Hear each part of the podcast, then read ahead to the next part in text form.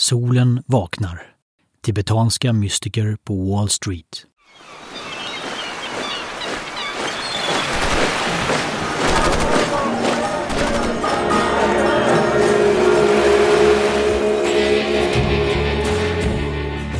Hej! Jag heter Mikael Hedman och den här podden är berättelsen om den unge mannen från Sverige som lämnat landet i jakt på något han inte har namn för.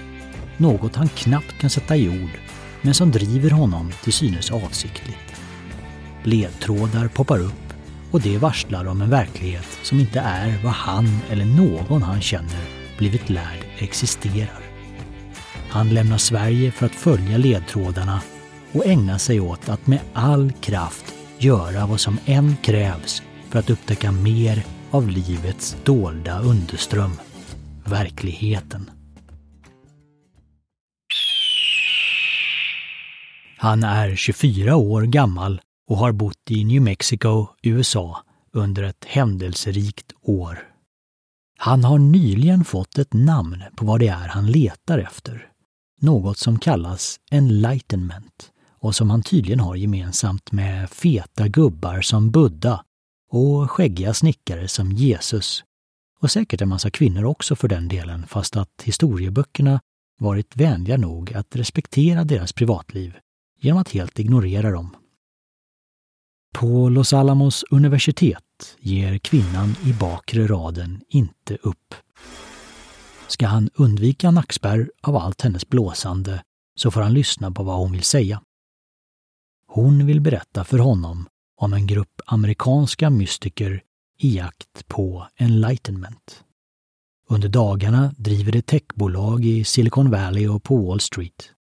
På nätterna tar de privatjet ut i öknen för att spåra upp kraft och genomborra existensens illusioner.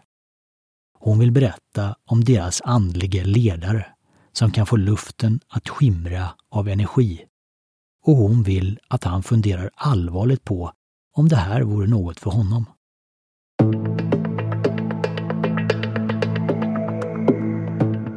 Den unge svensken funderar ungefär lika fort som det tar nervbanorna från hjärnan att koppla ett ja-svar till munnen och kliver ombord. Vad som följer är en omfattande introduktion i gruppens metoder att generera och applicera energi. Svenskens utvecklingsresa är i sin linda och kommer bjuda på långt fler lärdomar än det han nu får sig till livs. Men mystikernas värld kommer att påverka honom mer än han för stunden förstår. Kvinnan från bakre raden är hans instruktör och till förrätt plöjer de böcker av Carlos Castaneda eftersom deras traditioner har en del likheter. Men fokuset är hans energiutveckling, alltså att genom bland annat kundalini-meditation generera och lära sig hushålla med den kraft som ska driva honom genom ridåerna av mental illusion till verklighetens klarhet. En viktig del av ekvationen är att föra sig slipat i världen. Och i begreppet ingår naturligtvis att lyckas med det man företar sig, vad det än är. Lyckas man i arbetslivet tjänar man pengar. Pengar är ett tecken på att man hanterar sig själv och sin energi väl. Med pengar kan man också undvika en del av sånt i världen som annars drar ner en och gör en redan svår resa onödigt svår. Man kan exempelvis bo på ett lugnt och vackert ställe, äta bra mat, ha råd att ta semester någon vecka om året, få förstklassig medicinsk behandling när man blir sjuk. Med pengar kan man även hjälpa andra att ta sig ur sina livsfällor och utvecklas. Kanske ett av de bästa användningsområdena för pengar. Gruppens deltagare tjänar enorma summor och bygger sina liv med oerhörd känsla för det raffinerade, men utan onödig lyx. Således köper man helst inte en Mercedes E-klass. Man köper en S-klass. Den består av finare material och har utvecklats av Mercedes mest briljanta ingenjörer, smartaste marknadsförare och bästa säljare. Därför har den en högre vibration. Är energi ens intresse så märker man skillnad. Man dricker Coke och inte Pepsi. Coke drivs med okult finess och är ett stenhårt varumärke som inte gör misstag och inte lämnar några glipor. Pepsi fumlar och är slarviga. Inget man vill associera med. Man håller låg profil och sticker inte ut. Tar inte onödigtvis i hand eller låter folk läsa av ens ögon, för det ställer en i kontakt med energi som man inte har nytta av. Öknen träder man enbart in i med ett tydligt syfte. Aldrig för skojs skull eller med nonchalans. Allt är en operation för att höja sin energi så att man kan göra genombrott i medvetandet. Uppnå enlightenment. Ökar inte ens energi så minskar den. Det finns inget mellanting.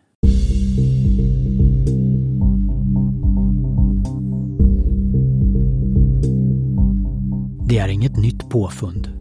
Människor har använt samma metod för samma ändamål i tusentals år, även om det inte omnämns i Svenska skolans läroplan för religion. Vissa kallar det högre okult eller vit magi. Applikationen av ren kraft för att nå visdom. Vägen innebär stora risker för snedsteg, för med oerhörd kraft medför minsta felattityd att man förs i en kontraproduktiv riktning väldigt fort. Det i sin tur kan benämnas lägre okult eller svart magi. Alltså att använda kraft för att tillgodose mänskliga ambitioner. När ens inre kraftresurser är tiotals gånger större än normalläge så är det av kritisk vikt att ens mål inte är likt alla levande varelsers. Att eftersträva bekväma känslotillstånd eller att förlora sig i fysiska ambitioner och familjeliv. Istället krävs att ens mål är absolut rent. Det vill säga rätt och slätt medvetandetransformationen som kallas enlightenment. Den enda säkra navigationsmetoden för att nå dit när man har raketbränsle i tanken är att låta sig vägledas av hjärtat. Läraren påpekar ständigt If you're going to make an error, err on the side of compassion. Om du nödvändigtvis ska begå misstag i livet, gör misstag som är godhjärtade. Hjärta och medkänsla är oerhört viktigt eftersom att köra Ferrari oförsiktigt är förenat med andra konsekvenser än att cykla oförsiktigt. De flesta i gruppen kör dessutom Ferrari eller åtminstone Porsche. På lärarens födelsedag frågar eleverna vad han önskar sig. That all my students are happy for one day. And if I can't have that, I'd like a Bentley convertible. Han får en Bentley cabriolet. När han ändrar gruppens inriktning till mer hardcore tibetansk mysticism och halva skaran av elever inte längre passar, så sparkar han dem. Find another spiritual teacher. Good luck. Läraren är större än livet och den unge svensken känner med varje fiber i sin kropp att han har hittat hem. Genom lärarens instruktioner och sitt enträgna kämpande har han här en möjlig väg till enlightenment. Mirakel och medvetandetillstånd gränsande till nirvana är lärarens specialitet. I öknens soluppgång när cirkeln av hundratals elever ska åka hem efter en natt med stjärnorna varnar han för att de är mer extatiska än de själva anar och rekommenderar att de kliver in i sina bilar innan de kör hem. Han är inte bara en esoterisk guru klädd i Armani. Han är rolig också. Media och sektbevakare hatar honom och föräldrar vars avkommor inte längre uppför sig som barn tydligen ska uppföra sig hyr helikoptrar i syfte att störa lugnet vid hans egendomar för att eventuellt lyckas återskapa kontakten med sina biologiska investeringar. Lite motstånd när man bryter med normen får man räkna med. Och ju mer man bryter med flocken, ju mer motstånd finns det uppenbarligen att få.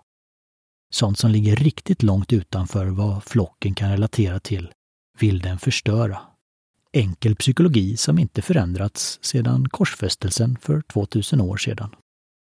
Därför skyltar ingen med sitt engagemang i gruppen. Det finns inget syfte med att skylta. Enbart att göra inre framsteg, göra gott och må bra är berättigat. Likt resten av gruppen började den unge mannen studera matematik för att bygga mental styrka som kan gynna meditationen. Man får välja om man vill plugga matte, har läraren förklarat. You don't have to learn it, only if you like to be my student. Det är som Henry Ford en gång sa. Any customer can have a car painted any color that he wants, so long as it is black. Det finns inte i denna världen att han ger upp den här chansen. Han får plugga matte. Till råga på allt så har han enbart träffat läraren i sina drömmar och i meditation.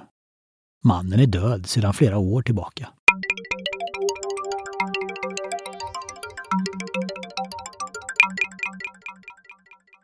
Svensken är lovande, tycker flera. De flesta har varit med i minst tio år, oftare 20. Den äldsta i gruppen är i 50-årsåldern och säger något ovanligt. I have only ever met three people that I sense can make it over the threshold and achieve enlightenment. You are one of them. För den unge mannen är det ett enormt erkännande, men i själva verket har han just matats en allvarlig missuppfattning eftersom den grova vanföreställningen att man på något sätt skulle vara speciell bygger en sorts självbild som står i direkt motsättning till inre utveckling. Den som ska genom verklighetens nålsöga får helt enkelt inte vara för stor för sig själv. Den äldste i gruppen är en av de få som anses ha tagit sig över just denna tröskel. Bara en person som själv avancerat i medvetande kan visa någon annan vägen och den äldste har god förståelse för var resten av gruppen befinner sig längs vägen. Han är doktor i neurologi och har mediterat fram en bioteknisk uppfinning som är genial. Han har sitt silverfärgade hår knutet i nacken och 80 timmar i veckan leder han sitt revolutionerande företag. Tequila löser hans anspänning var kväll.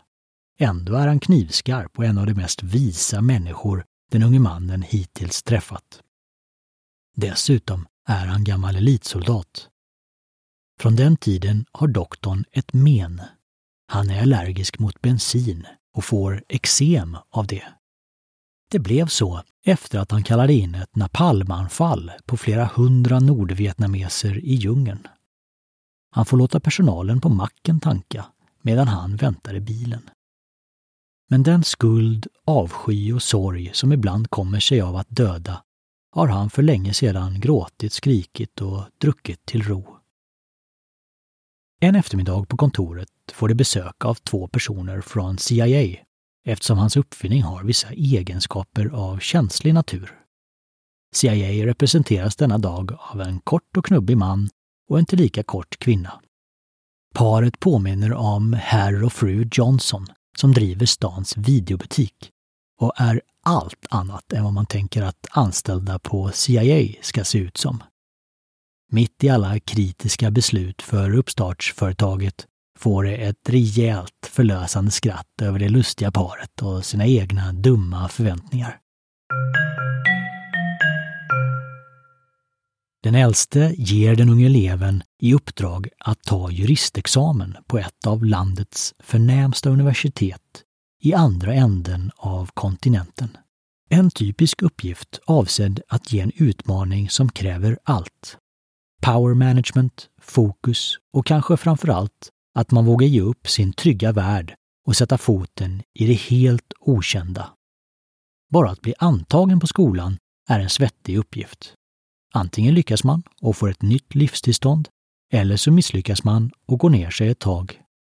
Insatsen är som alltid ens liv och reinkarnationsskämtet lyder We have all died numerous times and we don't look the worse for it. Alltså handlar det mindre om att bli jurist och mer om att fälla de väggar som var och en av oss instinktivt spärrar in oss bakom under alla skeden av livet.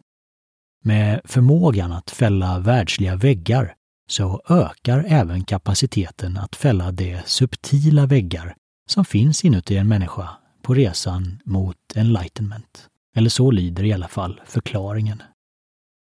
Alla är vana vid att få nära nog omöjliga uppgifter som från en dag till en annan skiftar ens liv till andra sidan planeten för att genomföra något man knappt tror är möjligt. En person rycks ur sitt liv och ska plötsligt bli en Army Ranger.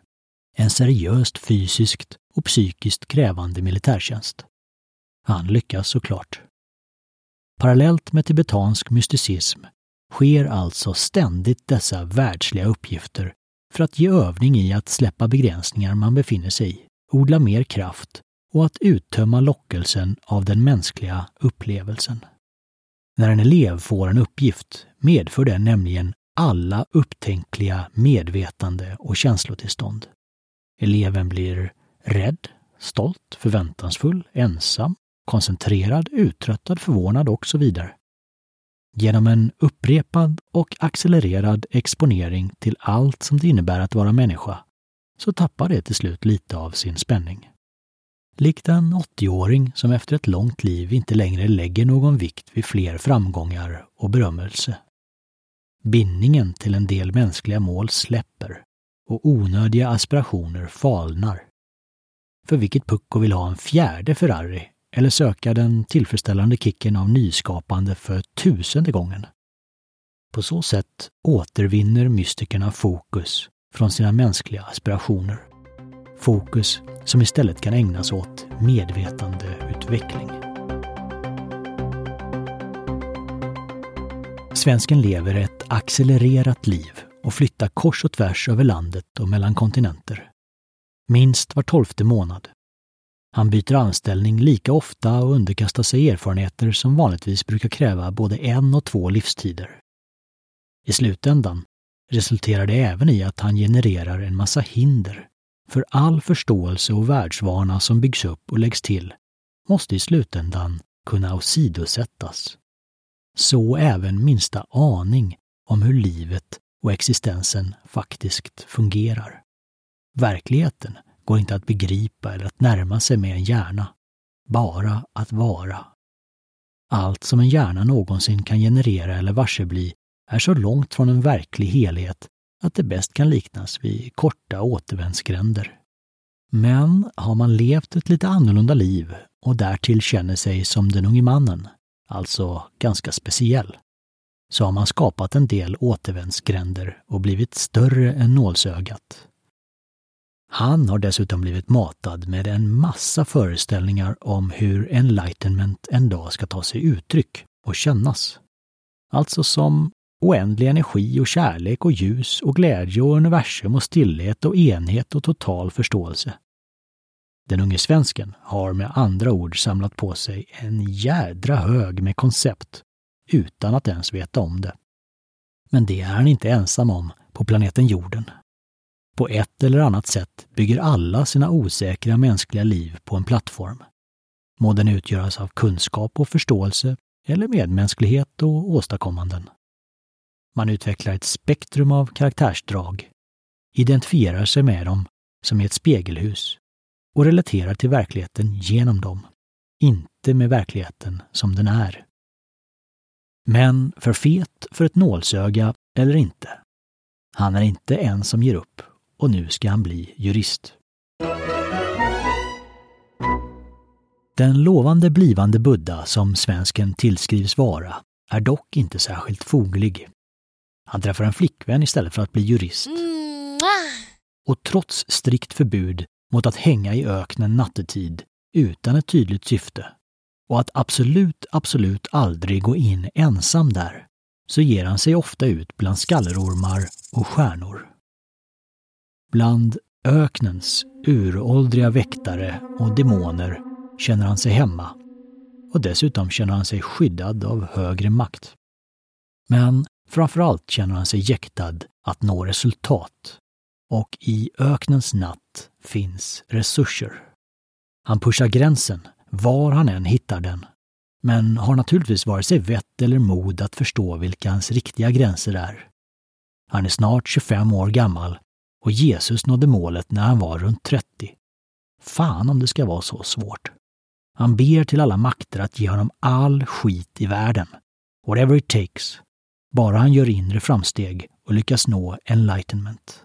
Speed it up för helvete. Han får mycket skit och vad som känns som inre framsteg. Han är härligt arrogant i sin lilla bubbla av agenda, i sina koncept om energi och utveckling. Som tur är för honom så är det till skillnad från vad gruppen lär ut, inte mänsklig agenda som styr särskilt mycket när det kommer till djupare inre utveckling. Det ska visa sig att en målfokuserad agenda att komma någon vart med inre utveckling är mer likt en sköldpadda som försöker flyga. Ett förstadie till verkligt inre arbete som utmärks av en övertro till sig själv och som tar sig uttryck i ett vildsint greppande efter högre medvetandetillstånd. Det ska visa sig att de flesta förmågor och krafter som meditationen gett honom i slutändan kommer att bli hinder som måste överges för att han ska kunna ta nästa steg. Inte olikt vad Hermann Hesse beskrev i sin bok Siddhartha. Men än så länge tumlar han runt i inre upplevelser av ljus och spirande samadhi. Det meditationstillstånd som markerar början på ett frigjort medvetande och tillfälligt pausade tankeprocesser.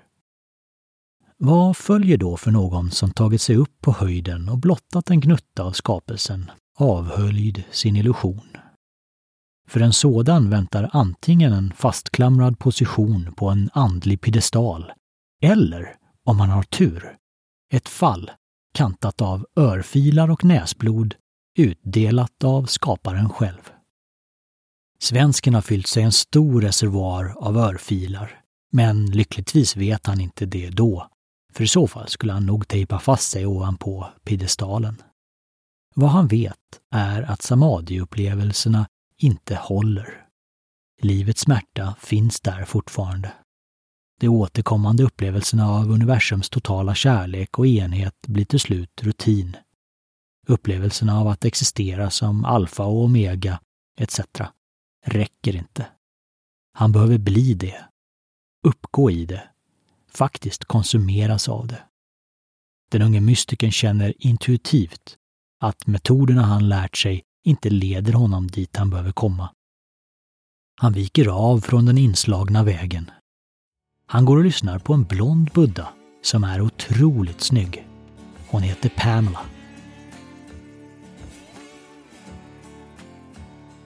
Tack för att du lyssnar. Jag heter Mikael Hedman och arbetar som företagsstrateg och personlig rådgivare. Podden har jag satt ihop som underhållning och för att mina erfarenheter eventuellt ska komma till nytta för dig. Vid allvarliga sömnsvårigheter kan du till exempel läsa Swedish Buddha-podden som bok. Du kan beställa boken via hemsidan swedishbuddha.se. Men låt inte allt som berättas i podden påverka ditt eget upptäckande. Förkasta utan minsta tvekan sånt som du inte kan känna igen dig i eller som låter fel. Det här är 20 år ur mitt liv, med mina ögon. Vissa saker kommer inte att passa med hur du upplever livet. Om du är intresserad av inre utveckling så är du varmt välkommen att höra av dig via hemsidan eller boka ett möte direkt i kalendern på rentabuda.com.